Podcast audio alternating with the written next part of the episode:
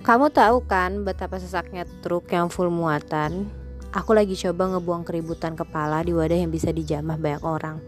Ah iya, barangkali yang aku anggap sampah itu ternyata barang yang dibutuhkan sama kamu. Kalau begitu, bukannya aku yang harusnya lebih antusias buat nge-recycle sampahnya.